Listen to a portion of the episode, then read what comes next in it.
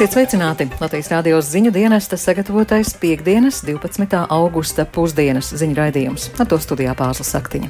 Un sākām ar ieskatu raidījuma tematos. Startautiskā atomenerģijas aģentūra vēlas nosūtīt starptautisku ekspertu misiju uz Zaporīžas atomelektrostaciju.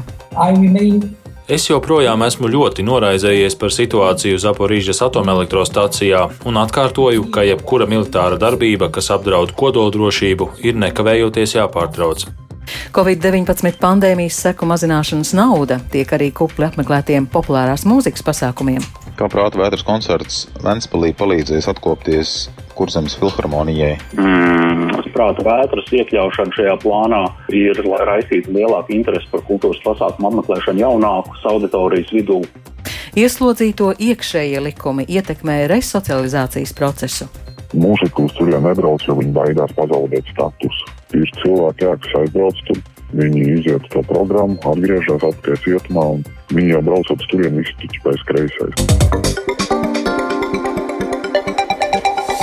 Startautiskās atomenerģijas aģentūras direktors Rafaels Grossi ceturtdien ANO drošības padomas sēdē aicināja atļaut startautiskajiem ekspertiem ierasties Krievijas karaspēka kontrolētajā Zaporīžas atomelektrostacijā, kā arī pauda gatavību personīgi vadīt ekspertu delegāciju.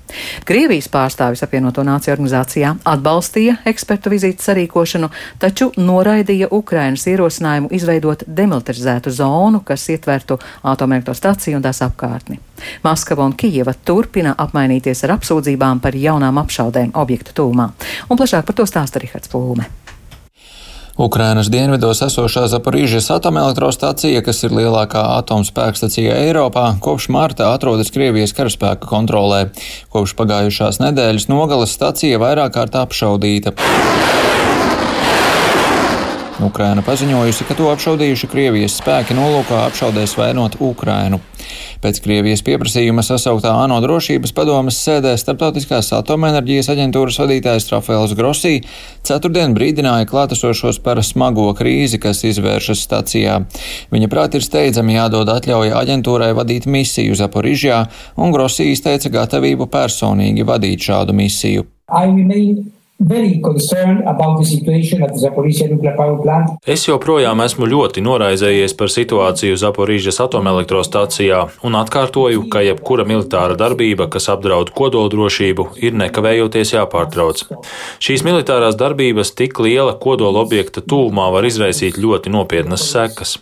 Pamatojoties uz jaunāko informāciju, aģentūras ekspertiem ir provizorisks novērtējums, ka apšaudes vai citu militāru darbību rezultātā nav tieši tieša kodoldrošības apdraudējuma, taču tas jebkurā brīdī var mainīties.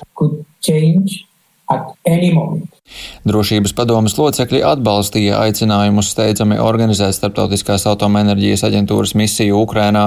Arī Krievijas pastāvīgais pārstāvis ANO Vasilijs Ņebenzija drošības padomas sēdē atbalstīja ekspertu vizītes sarīkošanu. Viņš teica, ka šādai vizītei būtu jānotiek vēl šomēnes. Vienlaikus viņš turpināja saspīlējumā vainot Kīvu, uzsverot, ka aģentūras misija nesot iespējamā apstākļos, kad Ukrainas bruņoties spēki turpina apšaudīt rūpnīcu un teritoriju ap Enerhodaras pilsētu.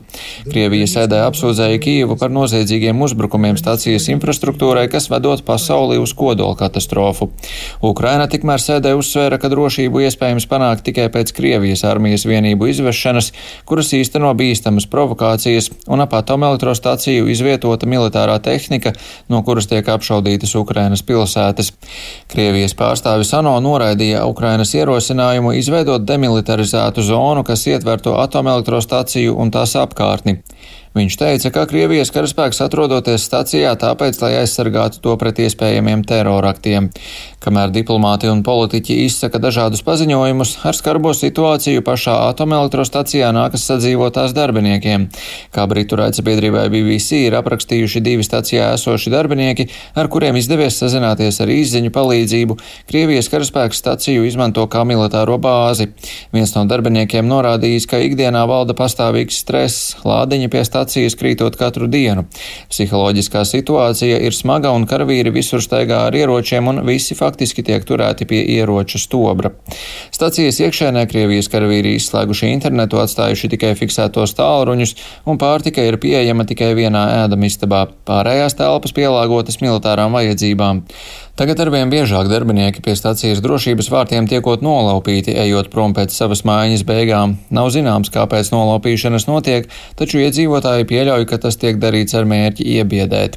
Izdevumā Politico iztaujātie eksperti ir pārliecināti, ka avārija Eiropas lielākajā atomelektrostacijā būtu tikai lokāla katastrofa Ukrainai, bet ne katastrofa Eiropai. Ievainojamas esot dzēsēšanas sistēmas un visļaunākajā gadījumā, ja tās pārtrauktu darboties, nopietns kaitējums tiktu nodarīts izdarīts lokālā līmenī. Eiropas kodolbiedrības prezidents Leons Cizeļs lēsa, ka tas notiktu 30 km rādījusā. Rihards Plūme, Latvijas radio. Pēdējo mēnešu laikā bēgļu plūsma no Ukrainas Latvijas virzienā ir bijusi nemainīga, bet 90% no šiem cilvēkiem Latviju izmanto tikai caurbraukšanai ceļā uz citām Eiropas valstīm. Tā Latvijas radio šorīt skaidroja iekšlietu ministrs Kristaps Eklons no attīstībai par. Bēgļiem, dodoties projām, daudz vietā atbrīvojas dzīves vietas, taču jārēķinās, ka pašvaldības lielu daudzumu cilvēku uzņemt īsti vairs nespēja, jo daudz vieta jau ir sasniegta iespēja robežas, stāsta ministrs. Ir bijuši gadījumi, jā, ka mūsu kapacitātes pašvaldībās jau ir izsmelts, un tad mēs vēršamies arī pie iedzīvotājiem, kas ir gatavi sniegt atbalstu un izmitinam arī pie iedzīvotājiem. Process ir mainīgs. Ir daudz ukrāņu, kas jau šeit uzturās jau šos trīs mēnešus un, un, un pieņem lēmumu atgriezties Ukrainā vai braukt tomēr uz citu valsti. Jā, atbrīvojās brīvas vietas, un tai pašai Rīgai ir atkal iespējas pieņemt cilvēkus un izmitināt jau ierastajos hosteļos un, un, un citu citās iestādēs. Vai mēs varētu palielināt šo skaitu? Es būtu ļoti piesardzīgs šādā prognozē un, un, un, un ceru, ka patiešām viņš paliks tajā apjomā, kāds viņš šobrīd ir. Tā kā papildus teiktēji, brauciet, mēs esam gatavi vēl vairāk uzņemt. Laikam, ka drīzāk nē jo pašvaldību kapacitātes mēs jau labu laiku atpakaļ mūs informēja attiecīgi par to, ka lielām daļām pašvaldības ir uz limitiem visas tās kapacitātes, kur izmitināt bēgļus. Saimā pagarināja kārtējo reizi ārkārtas stāvokli pie Baltkrievijas pierobežas. Tas viss sākās, kad parādījās tādas migrantu bēgļu plūsmas no Baltkrievijas mākslīgi organizētas. Vai tas turpinās un kāda tur tā situācija ir? Tie nav bēgļi tādi, kā mēs tikko runājam par Ukraiņu bēgļiem. Starp tiem, kas šķērso Baltkrievijas robežu, Mēs neesam satikuši vēl nevienu Baltkrievijas iedzīvotāju. Tas nozīmē, ka tie nav bēgļi, kas mūk no Lukašenko režīma vai no vēl kaut kā. Nē, tie ir cilvēki, kas ir atbraukuši ar turismu vīzām vai kaut kādīgi savādāk, ja pat zināmā mērā iemānīti Baltkrievijas teritorijā, atvesti uz turieni ar lidmašīnām no. Nu, patvērumu mēs tomēr Sīrijas. viņiem dodam. Tur kaut kāda arī ir cilvēki, Nē, kuriem mēs, ir kāda vajadzība patvērties pie mums.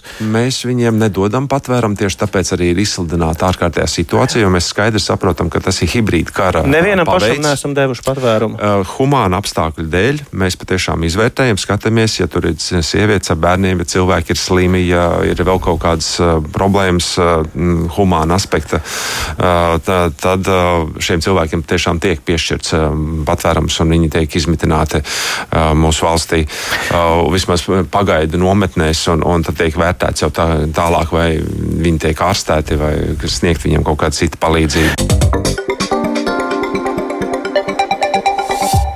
Lai gan šovasar netrūkst kultūras pasākumu, turklāt ar ļoti lielu apmeklētāju pieprasījumu, daļa no rīkotajiem saņēmusi būtisku valsts atbalstu, kas paredzēts Covid-19 izraisītās pandēmijas seku likvidācijai. Viens no tādiem sarīkojumiem ir, piemēram, grupas prāta vētra koncerts, kas nedēļas nogalē notika notiks Ventspilī. Latvijas radio noskaidroja, ka valsts naudu dāsni dalījusi pretī prasot tikai pasākumus bez stingriem kvalitātes kritērijiem. Un par to vairāk Edgara Kupčieraksts. Tas vakars jau no Sīvā pilsētā. Pēc četru gadu pārtraukuma.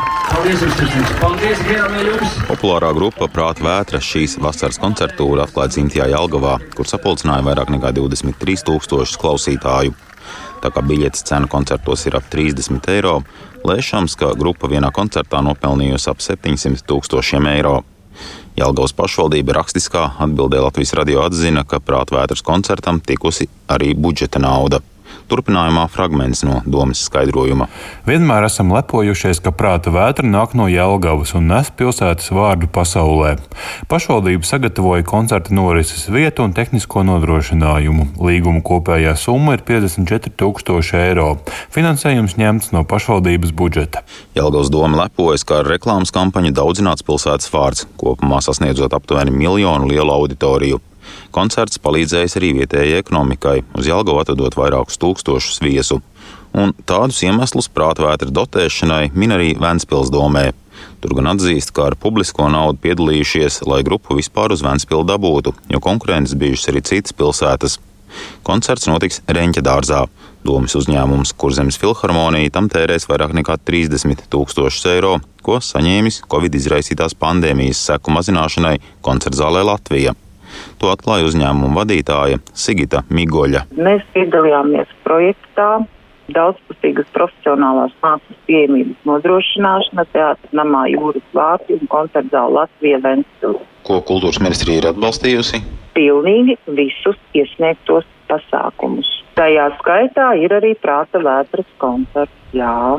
Un cik tam ir? Tad, kad būs publiska informācija, tad es pateiksim. Bet domā jau teica, ka 37 tūkstoši eiro. Nu, ja doma teica 37 tūkstoši, jā, aptuveni 30 tūkstoši. Prāta vētras koncerts ir profesionālā māksla. Un kā jūs domājat? Vai tad nav? Kultūras ministrijas valsts sekretārs vietnieks kultūrpolitikas jautājumos Uldis Zariņš atklāja, ka lielākajām koncertzālēm sadalīti gandrīz 4 miljoni eiro. Galvenais mērķis bijis pēc Covid krīzes noturēt koncertzāļu dzīvotspēju. Pieteikto pasākumu plānu vērtējusi speciāla darba grupa paša Zariņa vadībā bet nevienam izklaides pasākumam publiskā nauda nav atteikta. Tad tā helikoptera nauda izkaisītā varētu tam palīdzēt. Ja? Domāju, ka vārds helikoptera nauda absolūti nebūtu vietā, jo, ja atminamies, helikoptera nauda arī Covid pabalstu kontekstā parasti tiek lietots tādā izpratnē, ka nauda tiek piešķirta bez jebkādas izvērtēšanas. Bet praksē jau jūs tikai vienkārši fiziski sadalījāt 4 miljonus uz septiņām koncertzālēm. Nu, tāda ir šīs programmas būtība. Kā prāta vētras koncerts Ventspēlī palīdzēs atkopties Kurzemes filharmonijai? Mm, prāta vētras iekļaušana šajā plānā ir, lai raisītu lielāku interesi par kultūras pasākumu apmeklēšanu jaunākus auditorijas vidū. Bez šīs atbalsta naudas jaunieši prāta vētras koncertu neapmeklētu pieņemu, ka tiešām iespējams bez šī Eiropas Savienības finansējuma šāds kontakts arī varētu iespējams nenotikt Ventspilī. Līdz šim līdzīgas naudas dalīšanas programmas ir administrējis valsts kultūra kapitāla fonds. Direktora vietniece Linda Karlina teica, ka tur atbilstību profesionālajai mākslai izvērtē eksperti. Pirmkārt, valsts pienākums, manuprāt, vispār ir izglītot to kultūras patērētāju un piedāvāt viņam kvalitatīvu produktu, nevis vienkārši labi pavadīt laiku. Kā jūs domājat, vai prāta vētras koncerts ir izglītošanās vai laba laika pavadīšana? Nu jā, nu es jau neesmu eksperts. Es domāju, ka prāta vētra, to, ko viņi dara, viņi to dara profesionālā līmenī. Bet uh, līdz šim, tad, kad mēs administrējām to mērķprogrammu, kas ļoti līdzīgi saucās, tur nebija iekšā prāta vētra. Tur vispār bija ļoti maz populārās mūzikas pasākumi. Nozares speciālisti atzīst, ka publiskā nauda koncertzālēm ir dalīta arī iepriekš, jo bez tās šīs iestādes nevarētu izdzīvot. Šoreiz vienkārši sadalāmajiem miljoniem dots cits nosaukums - Edgars Kupčs, Latvijas radio.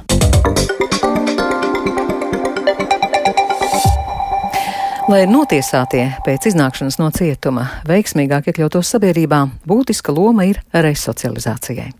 Taču to ietekmē ieslodzīto iekšējie likumi cietumā. Jau sen viņi viens otru šķiro mastos, jeb kārtās.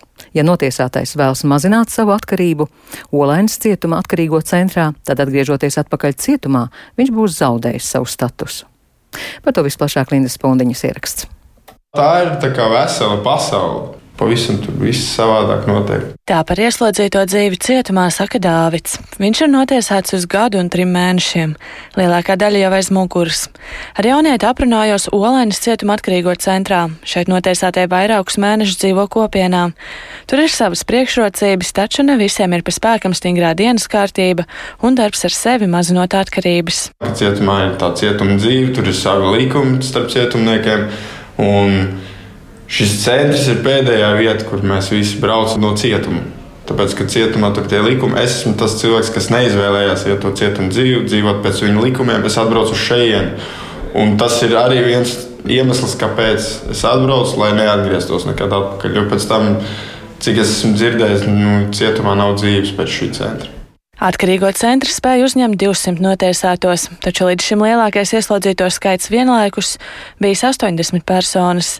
Kaut arī dažādas atkarības lielākajai daļai ieslodzīto nereti ir cēlonis nonākšanai aiz restēm, viena maza daļa uz atkarīgo centru dodas. Dāvids stāsta, ka daudzus atrunā no centra citi ieslodzītie.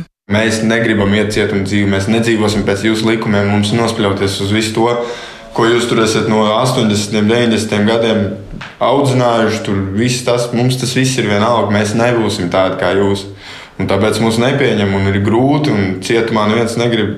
Kāpēc man jāsaka tāds, kas ir bijis centrā? Viņš ir kreisais. Cietumā ir sava subkultūra. Tur ieslodzītie viens otru dala kreisajos, mužikos, strādniekos. Par to vairāk stāsta bijušais ieslodzītais Jānis. Vīriešu balss un vārds ir mainīts. Jānis cietumā bijis trīs reizes tu vari iet vai nu strādāt, tad tu būsi vienkārši nu, strādnieks, tev viss uztverš normāli, viss ar tevi komunicē un tā. Tu vari būt vienkārši nedarīt neko. Tu esi tur un es, tu no, nosēdi savu laiku, tu komunicē, kā tu gribi, ar ko tev vairāk ir intereses. Un uh, tad ir tādi, kas ir par seksuāliem noziegumiem, tie uzreiz iet pie kreisajiem. Nu, viņus nešķiro, ja tu esi izdarījis pāris sievietē vai bērnam, tu neesi vairs normāls. Un, ja atbrauc pirmā diena, tev iznāk papīrs cauri, kurš par ko ir sodīts, un tu paskaties lapiņā, tajā kamerā sēž tāds un tāds, viss ar viņu nekādu kontaktu vairs. Ar kreisajiem, piemēram, tur mūžīgi un tādi paceni, viņi, nu, viņi nedrīkst sēdēt pie viena galda, viņi nevar būt vienā kamerā, piespied kāpā, viņi tur atrodas, diemžēl vairākas, tā kā tētapos braucot un tā. Ne no viņa cigareti, tu nedrīkst ņemt neko. Nu, ja tu paņem, tad viss, tad tev tur arī bez mazliet norakst. Un tāpēc Slovenijā viss ir kopā.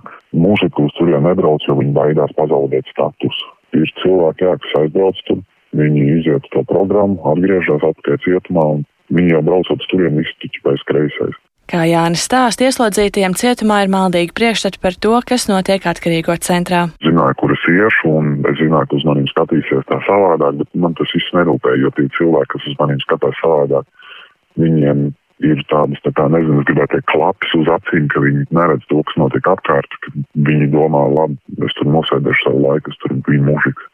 Un ko tas tev ārā dod, ko tas tev dod brīvībā, ka tu meklē darbu. Mūsdienās ieslodzītie viens pret otru ir daudz iecietīgāki, saka Jānis. Subkultūra vairs nav tik izteikta kā pirms vairākiem gadiem. Taču tā tomēr ietekmē ieslodzīto resocializācijas procesu un to, kā viņi ieslodzījumā maina kriminālo domāšanu. Linda Spundiņa, Latvijas radio. Ieslodzījuma vietu pārvalde apzinās, ka cietumā valda iekšējā subkultūra, kā arī novērots, ka tā būtiski ietekmē ieslodzīto resocializāciju. Pārvaldes priekšnieks Dmitrijs Kaļins norāda, ka tā iemesla dēļ tiek veidotas atsevišķas nodaļas, taču svarīga loma ir jaunai cietuma infrastruktūrai. Ar Kaļinu sarunājās Linda Spundiņa savstarpēju tādu subkultūru un paražām mēs, mēs zinām, mēs kā administrācija ar to reiķinamies un ņemam vērā savā darbā.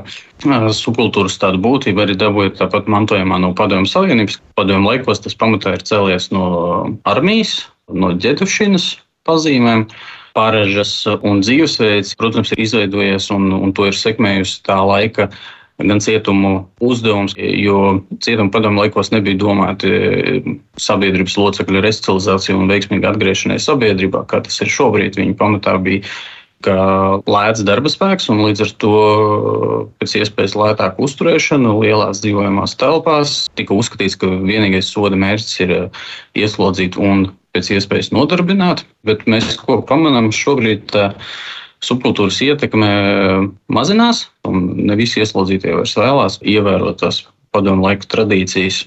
Tātad viens, ko mēs varam darīt, un ko mēs darām, tas ir pie atlases uz atkarīgo centru. Mēs skatāmies atlikušo termiņu, un maksimāli, ja vien tas iespējams, cenšamies uh, virzīt uz atkarīgo centru tādus cilvēkus, kuriem atbrīvošanas laiks pienāk vai nu īsi pēc centra programmas pabeigšanas, vai nu pat taisnām no atkarīgo centra viņi atbrīvoties. Tie ir tādi Veiksmīgākais stāsts, protams, eh, negribam arī bremzēt resocializācijas procesu klientiem, kuri vēlās, bet soda izpildes termiņš vēl diezgan garš. Tāpēc mums četros cietumos ir izveidotas dragfrīs zonas, tieši klientiem, kuri ir bijuši atkarīgo centrā pēc programmas iziešanas, tad viņiem ir iespēja tikt izmitinātiem tādās drug-free zonās, kurās tiek izmitināti visi ieslodzītie, kas ir bijuši atkarīgo centrā. Vai piekrītat, ka baidoties no subkultūrā pieņemtā, ieslodzītie nedodas uz atkarīgo centru? Vai ir liela daļa ieslodzīto, kuriem būtu jāmazina atkarība, bet viņi uz zolaidi nedodas tikai šī iemesla dēļ? Lielai daļai no tiem potenciāliem gribētājiem, kas varētu piedalīties, atkarību mazināšanas programmā ir šis jūsu pieminētais aspekts, kāpēc viņi neizdara savu izvēli. Ja būtu vairāk cietumos mums atbilstoša infrastruktūra, viņi zinātu, ka pēc tam viņi dzīvos vienvietīgā, maksimums divvietīgā kamerā, tad vieglāk būtu izlemt un, un pieņemt to jautājumu.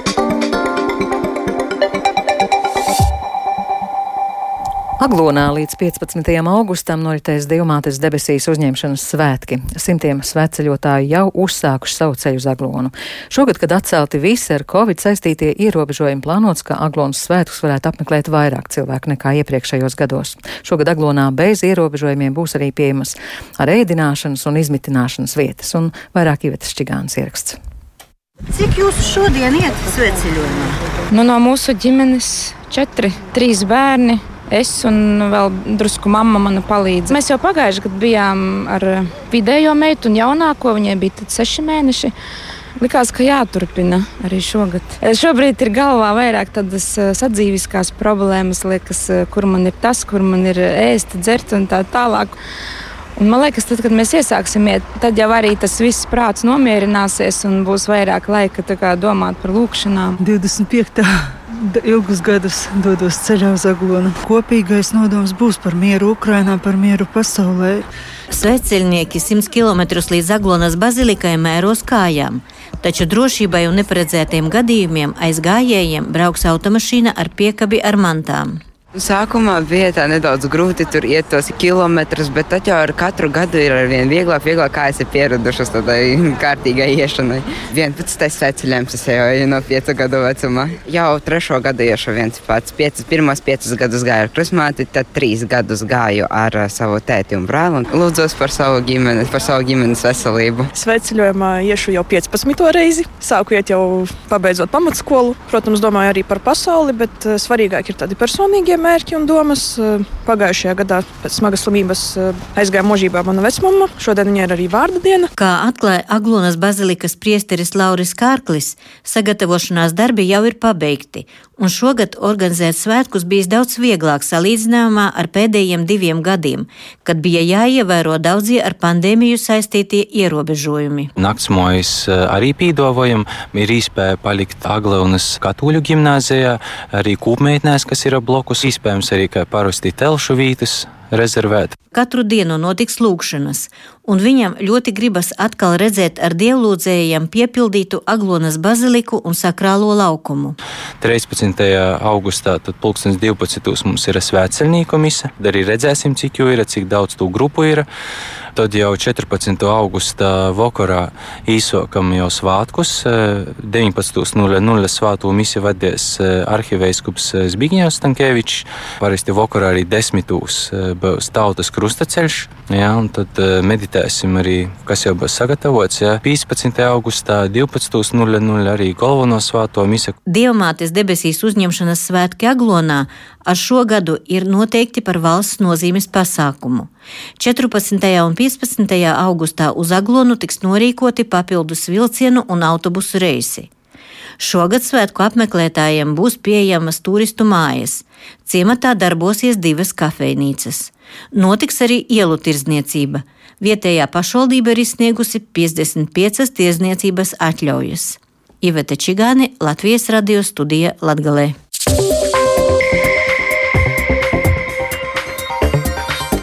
Dzirdējāt pusdienas ziņu raidījumu. Tā producents Viktors Pupiks ierakstus montēja Ulris Grīnbergs par labskaņu rūpējās Kristaps Runģis, ar jums runāja pārslas aktiņu un īsti par svarīgāko.